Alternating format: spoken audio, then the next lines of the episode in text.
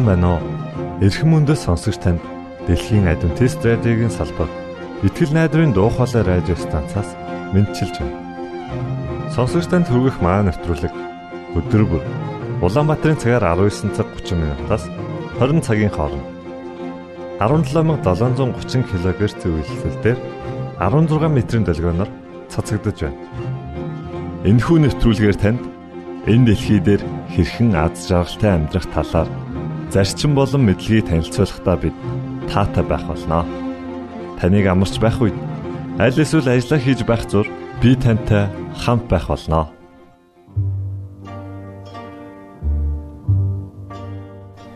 Энэ удаагийн нэвтрүүлгээ бид Silent Night хэмээх дуугаар эхлүүлж байна. Харин үүний дараа X үзлэл нэвтрүүлгийн цуврал дугаарыг хүлээн авч сонсноо. Ингээд хөгжмөдөө Thank you.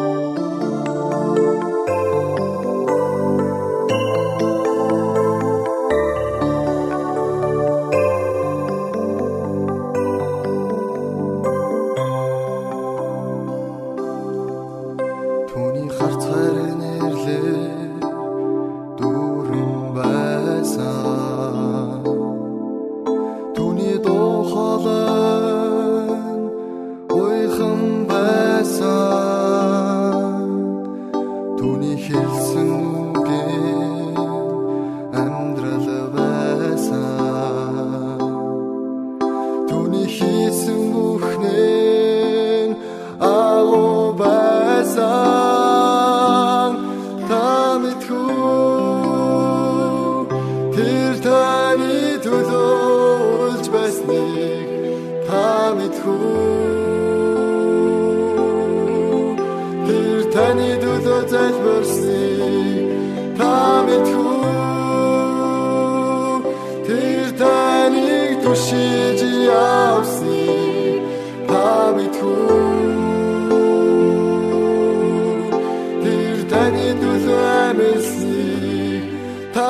сууна.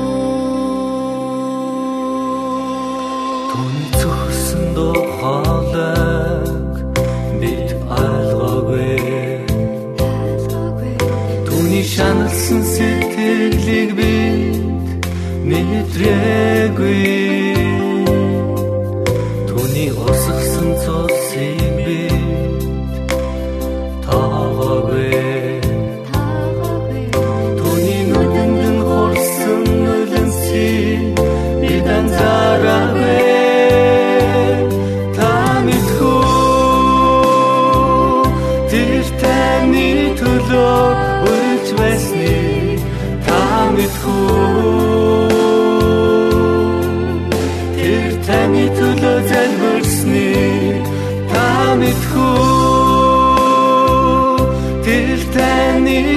실지 않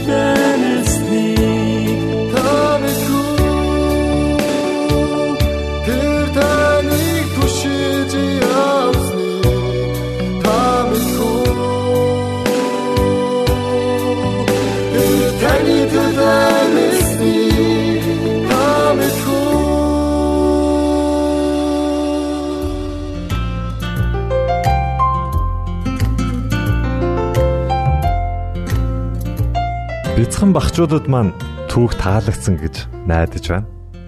Ингээд та дараагийн нэвтрүүлгээ хүлээн авч сонсноо.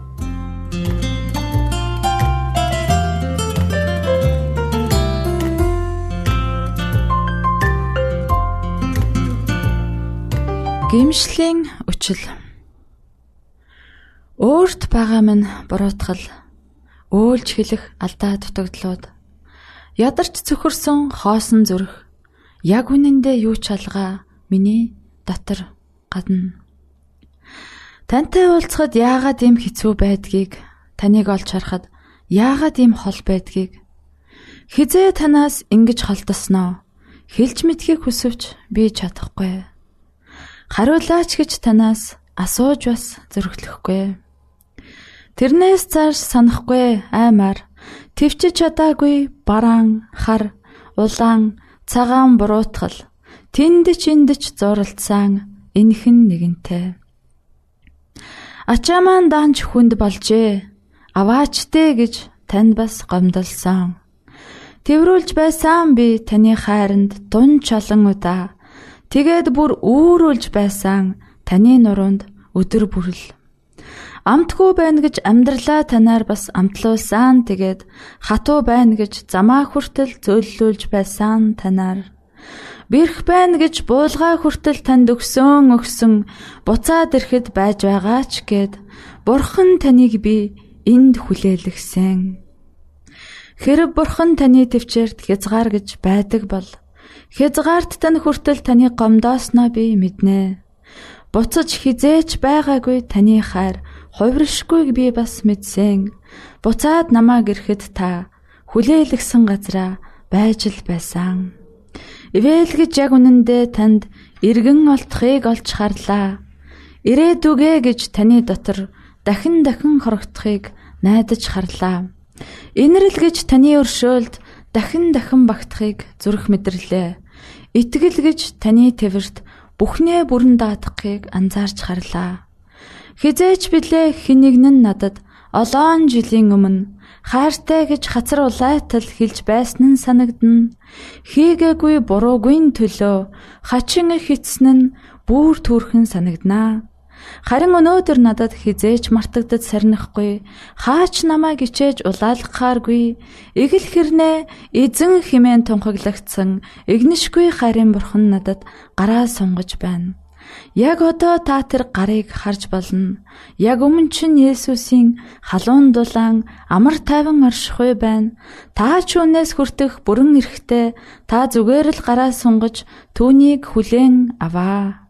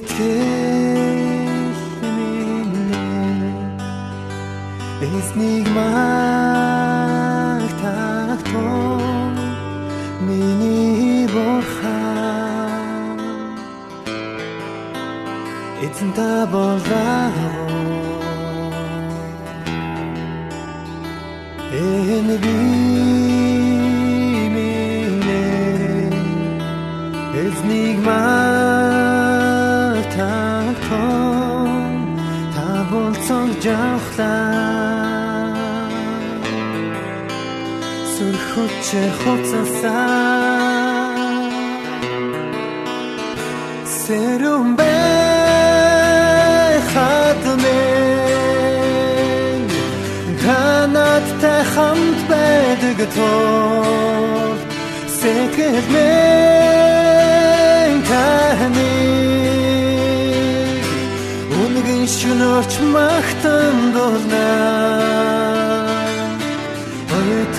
залдангийн дундаарч магтна Сэтгэл минь. Эцнийг магтах миний борхан Эцэн та болдагоо энэ би минь эзнийг магтахтон та болцог жавхлаа. Сүрхүчээр хоцолсан Сэрүүн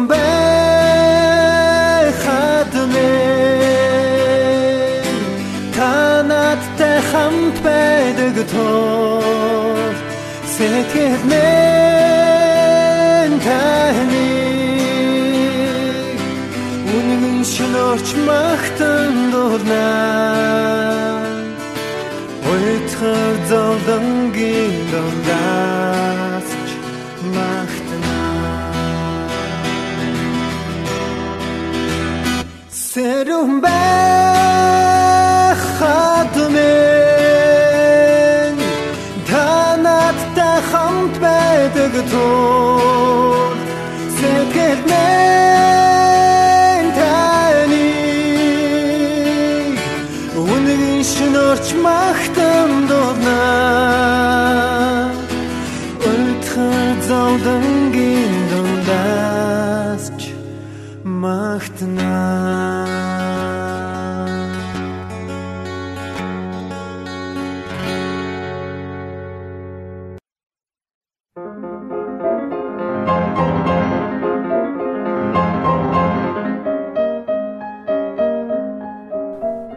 зохиолын цаг.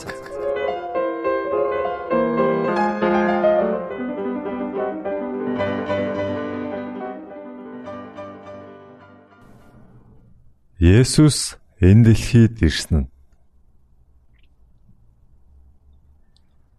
Галилийн уул толгодын дунд аших Назар хэмээх бяцхан суурьнд Йосеф Мари хоёр амьдран суудаг байв.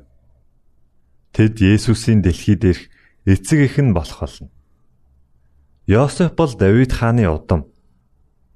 Тэр цагт Ромчууд ард иргэдээс татвар авах тушаал гаргахад Давидын хот болох Бэтлехэм рүү татвараа төлөхөөр Йосеф явах болжээ. Тэр цагт нааш цааш аялна гэдэг амар хэлбэр байсангүй. Мария нөхөртөөгөө Бэтлехэм явах бартаа төгсүр замаар явсаар ихэд ядарчээ. Хөөхий бүсгүй тухтай сайхан амрах газар хүрсэн гэж хичнээн хүсэж байсан бол харамсалтай нь оцсон газарт нь дэм буудлууд хэдийнэ дүүрсэн байлаа. Баян эрх мэдэлтэй нэгэнд тогтой сайхан газар олдож байхад хөөхий энхүү даруухан аялагчд малын сарвчанд хоноглохоос өөр аргагүй боллоо.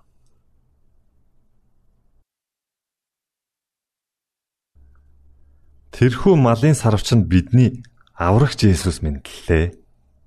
Ээж Мариан хүүгээ малын твсэнд хэвтүүлв. Ийхүү даруухан твсэнд сүр жавхлангаараа Тэнгэрийг гүйвлэгч дээд бурхны хүү нойрсож байлаа. Есүс дэлхийд ирэхээс өмнө Тэнгэрлэгч нарын удирдахч байсан. Юутай ч зүйрлэшгүй агуу гэрэл гэгээ цацруулсан Тэнгэрлэгч нар Есүсийн алдар суг магтан тунхаглаж байлаа. Хаан Есүсийг сентиндээ сох үед Тэнгэр элч нар бүгд нүрээ халахлан мэхийн асалдаг байжээ. Тэд түүний хүндэтгэн титмээ хөлдөн тавиад түүний агуу хүч чадлыг багтан магтан дуулдаг байлаа. Есүс хаан суудал заларч хаан титэм зөөж хааны нөмрөг нөмрөн эцгийнхээ дэргэд үлдэж болох л байсан. Гэвч бидний төлөө Тэнгэрийн хаанчлалын бүхий л их мэдлээ дэлхийн ядуу аж амьдралаар солих сонголт хийсэн байна. Есүс өөрийг нь хайрладаг Тэнгэрлэгч нар болон хаан судлаа орхих замыг сонгосон билээ. Тэрээр биднийг хайрлсан учраас хүнд бэрх амьдрал ичгэвтер үхлийг хүлээн зөвшөөрчээ. Бурхан бидэнд ямар их хайртаг Христийн энэ бүх шийдвэр харуулсан юм. Тэрээр энэ дэлхийд Бурханы хүсэл дуулууртай байснаар Бурханд хүндэтгэл үзүүлж болохыг амьдралаараа харуулсан. Бид түүний үлгэр дуурайллыг дагахснаар эцэст нь түүнтэй хамт Тэнгэрийн гэр оронд үрд амьдрах боломжтой болох юм. Тэрээр энэ бүхний төлөө ирсэн. Бурхны ард түмэн дундаас олон тахилч захирагчд Есүсийг амьдралдаа урин оруулахад бэлэн биш байлаа. Хэдийгээр тэд аварч удахгүй ирнэ хэмээн хүлээж байсан боловч түүнийг агуу хаан болж ирээд амьдралыг нь баян тансаг болгоно гэж мөрөөдөж байв. Тимээс шашны удирдагчид аврагч Месаяг бяцхан хүүхэд мэтэр төсөлж чадахгүй байлаа. Христийн дэлхийд мэндэлснийг тунхагласан сайн мэдэг бурхан тэдэнд мэддэгдээгүй. Харин хончтод эхлээд энэ мэдээг сонсгосон юм. Тэрхүү хончид сайн хүмүүс байлаа. Хончид шөнөөр хоноо манахтаа амлагдсан аврагчийн тухай ярьж түүнийг эрх талаар чин сэтгэлээсээ залбирч байсан тул бурхан тэдэнд аврагч ирснийг мэдгэжээ. Гинт эзний тэнгэрч тэдний өмнө зогсож эзний цог жавхлан эргэн тойронд нь гисэнд хончид үлэмжийн айдас давтжээ. Тэнгэрлэгч тэдэнд "Бүү айхтун, харагтун, би бүх ард түмний үлэмж баярлуулах сайн мэдээг та нарт авчирлаа. Өнөөдөр Давидын хотод аврагч эзэн Христ та нарын төлөө мэдлэлээ. Тэжээлийн твшинд байх даавууд өлгийцэн нэлэх хүүхдийг та нар олж харна. Энэ нь та нарт тэмдэг болно" гэж хэллээ. Гинт өнөөх тэнгэрлэгчтэй хамт олон тооны тэнгэрлэг дайчид үзэгдэж бурхныг магтан дээр өндөрт алдарн бурханд байх болтугай. Доор газарт амар тайван нь түүний тааллыг олсон хүмүүст байх болтугай гисгэж байлаа. Тэнгэрлэгч нар тэднийг орхин тэнгэр өөд одсонд хончид бие биедээ. Одоо шууд Бэтлехэм рүү очие. Эзний бидэнд мэдүүлсэн зүйл бүтснийг үлдцгээе гисгэж байлаа. Тэд яаран ирж Мария, Йосеф болон тэжээлийн твшин дотор хэвтэж буй хүүг олж очив. Тэд үүнийг хараад мөнөх хүүхдийн тухай сонссон үгээ мэдвэллээ. Хончдын ярьсан зүйл нь сонссон бүгдийн гайхлыг төрүүлжээ. Харин энэ үгийг Мария зүрхэндээ тунгаан бодож энэ бүхнийг нандинан хадгалсан юм. Йосеф Мария хоёр еврей үндэстэн тул ёс заншлаа дагах учиртай байлаа. Тэд Есүсийг 6-7 хоногтой болоход нь Иерусалимийн сүмд Бурхан даатгахаар авчирлаа. Энэ нь Бурханаас Израильчуудад өгсөн тушаалын дагуу үлддэг ёслол байв. Есүс хүүхэд байхасаа л аливаад хүндэтгэлтэй дуулууртай ханддаг байсан. Бурхны хүү Тэнгэрийн хаан хүү бидэнд дуулууртай байдлын үлгэр дуурайлыг заан сургаж байв. Аливаа гэр бүлээс зөвхөн ууган хүүгэл сүм даатгадаг байжээ. Энэхүү ёслол нь олон жилийн тэртет болсон үйл явдлыг сануулдаг гэж. Израилийн хүүхдүүд Египтэд боочлогдож байх үед эзэн бурхан Израильчуудыг чөлөөлүүлэхээр Мосег илгээсэн. Эзэн бурхан Мосед хэлэхдээ Тэгэхэд чи фараонд эзэн ингэж айлдаж байна. Израиль бол миний хүү, миний ууган хөвгүү Тиймээс би чамд миний хүүг явуул. Тэр надад үйлчлэг гэсэн боловч чи түүнийг явуулахаас татгалцсан. Үзэгтэн би чиний хүүг ууган хөвгүүнийг чинь ална хэмээн хэл гэжээ. Энэ үгийг Мосе хаанд дамжуулсан. Харин фараон эзэнгэгч хэн болоод Израилийг явуул гэсэн юм бэ? Түүний үгийг би яагаад авах ёстой юм бэ? Би эзнийг мэдэхгүй. Израилийг ч явуулахгүй гэж хэлв. Ингээд эзэн бурхан Египтчүүдийн дээр аимшигт гамшиг илгээв. Хамгийн сүүлчийн буюу 10 дахь гамшиг айл бүрээс буюу эгэл ард хаад ноёдын жалгаагүй ууган хүүгийн амийг авах гамшиг байлаа. Харин эзэн бурхан Мосед Израиль айл бүр хураг гаргах ёстой гэж тушаасан. Израильчүүдийн төхөрсөн хургийнхаа цусыг гэрийнхээ хаалганы тотхондоо түрхэх ёстой байв. Энэ үйлдэл нь Израиль айлын дээгүр үхлийн элч өнгөрсөн ч хэнийг ч устсахгүй ба харин бардам ирэх бардам ихэмсэг Египт айлын дээрээс үхлийн сэтгэл буухыг бэлэгдсэн байв.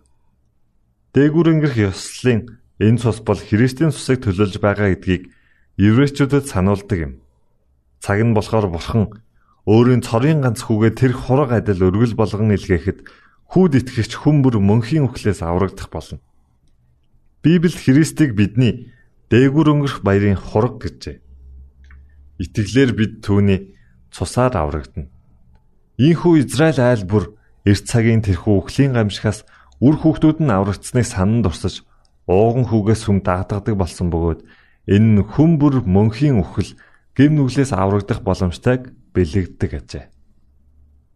Сүмийн тахилч ууган хүүг гар дээрээ өргөн тахилын ширээний өмнө аваачдаг. Ийхүү ууган хөвгүүдийг бурхны өмнө даатгадаг байлаа. Тахилч хүүг эхтэн буцааж өгөөд хүүгийн нэрийг Израилийн ууган хөвгүүдийн нэрс бичсэн хуйлмал бичээс эсвэл номонд бичдэг байсан. Үүнтэй адил Христийн цусаар аврагдсан хүн бүрийн нэр амийн номонд бичигдэх болно. Та уран зохиолын цаг навтруулыг бүлээн авч сонслоо. Дараагийн дугаараар уулзтлаа. Түр баярлалаа.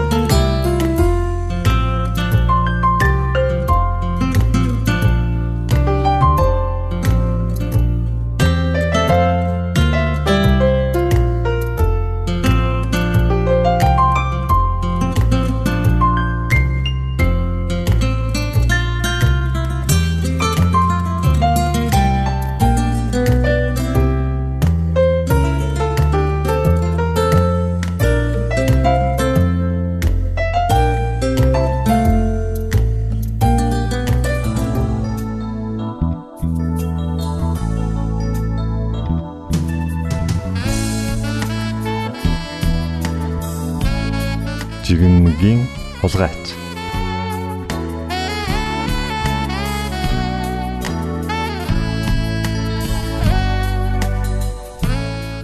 Онгоцны буудлын дээр нэг эмэгтэй өөрийн хуваарт хөлгийг хүлээн сууж байлаа. Онгоц нисэх хүртэл нилээд урт хугацаа байв. Тимээс онгоцны буудлын дэлгүүрээс нэг жигнэмэг, нэг ном худалдан авчээ. Ингээд өөртөө нэг судал олж авч суугаад номоо шимтэн уншихын зэрэгцээ хаяа нэг гараа сунган жигмнэгээ нэг нэгээр нь авч идэж байлаа. Хэдийгээр хамаг анхаалаа номдоо төвлөрүүлсэн байсан ч хажууд нь ирж суусан нэг залуу өөрийнх нь жигмнээс хээв нэг аван идээд байгааг анзаарахгүй байхаар байсангүй. Залуу хээв нэг идээд байхаар нь бүр дургүй нөхөрч эхлэв. Хэрвээ би боловсон хүн биш байсан бол энэ залууг нэг сайн дэлсээд авахгүй юу гэж бодож байлаа. Эмэгтэй жигнэг рүү гараа явуулах тоолонд залуу ч гэсэн ичгчгүй гараа сунгаж байлаа. Тэр хоёр инхүү уралдаж ицээр байгаад ганц жигнэмэг өлтөв. Бүсгүй. Одоо энэ яах вэ гэж бодож чамжаагүй байтал нөгөө айхтар залуу гараа сунгаад үлдсэн ганц өмнөгийг аван дундуур нь хоёр хуваагаад талыг нь эмхтээд өгөв. Залуугийн энэ байдалд хүүхний уур маш их хүрсэн ч арай хэж бие барьлаа. Яг энэ үед эмэгтэн явах чиглэлийн онгоц зорчигчдоо дуудан зарлаж эхлэв. Эмэгтэй залуугаас салахын төс болон баярлаж хурдхан босон цүнх намаа аван босчээ. Жигмнгийн хулгайч руу ч эргэж харсангүй. Ингээд онгоцсондоо ороод сандал дээрээ тухлан суугаад цүнх рүүгээ гараа явуулснаа дуу алдав. Учир нь онгоцны буудлын дээрээс авсан жигмэг нь цүнхэнд нь байж байлаа. Энд чинь одоо юу вэ? Энэ миний жигмэг юм бол яана гэж өөрийн ирэхгүй дуалтав. Залуу жигмэгийг нь дураараа авч идсэн эмхтэд юу ч хэлээгүйгээр бахгүй сүүлийн жигмгээ хүртэл хуваажээ. Уучлал гуйхад тэтэрхий арацсныг ойлгож байна. Хүний имийг зөвшөөрөлгүй хээвнэг дураараа авч идсэн жигмнгийн хулгайч бол тэр өөрөө байлаа.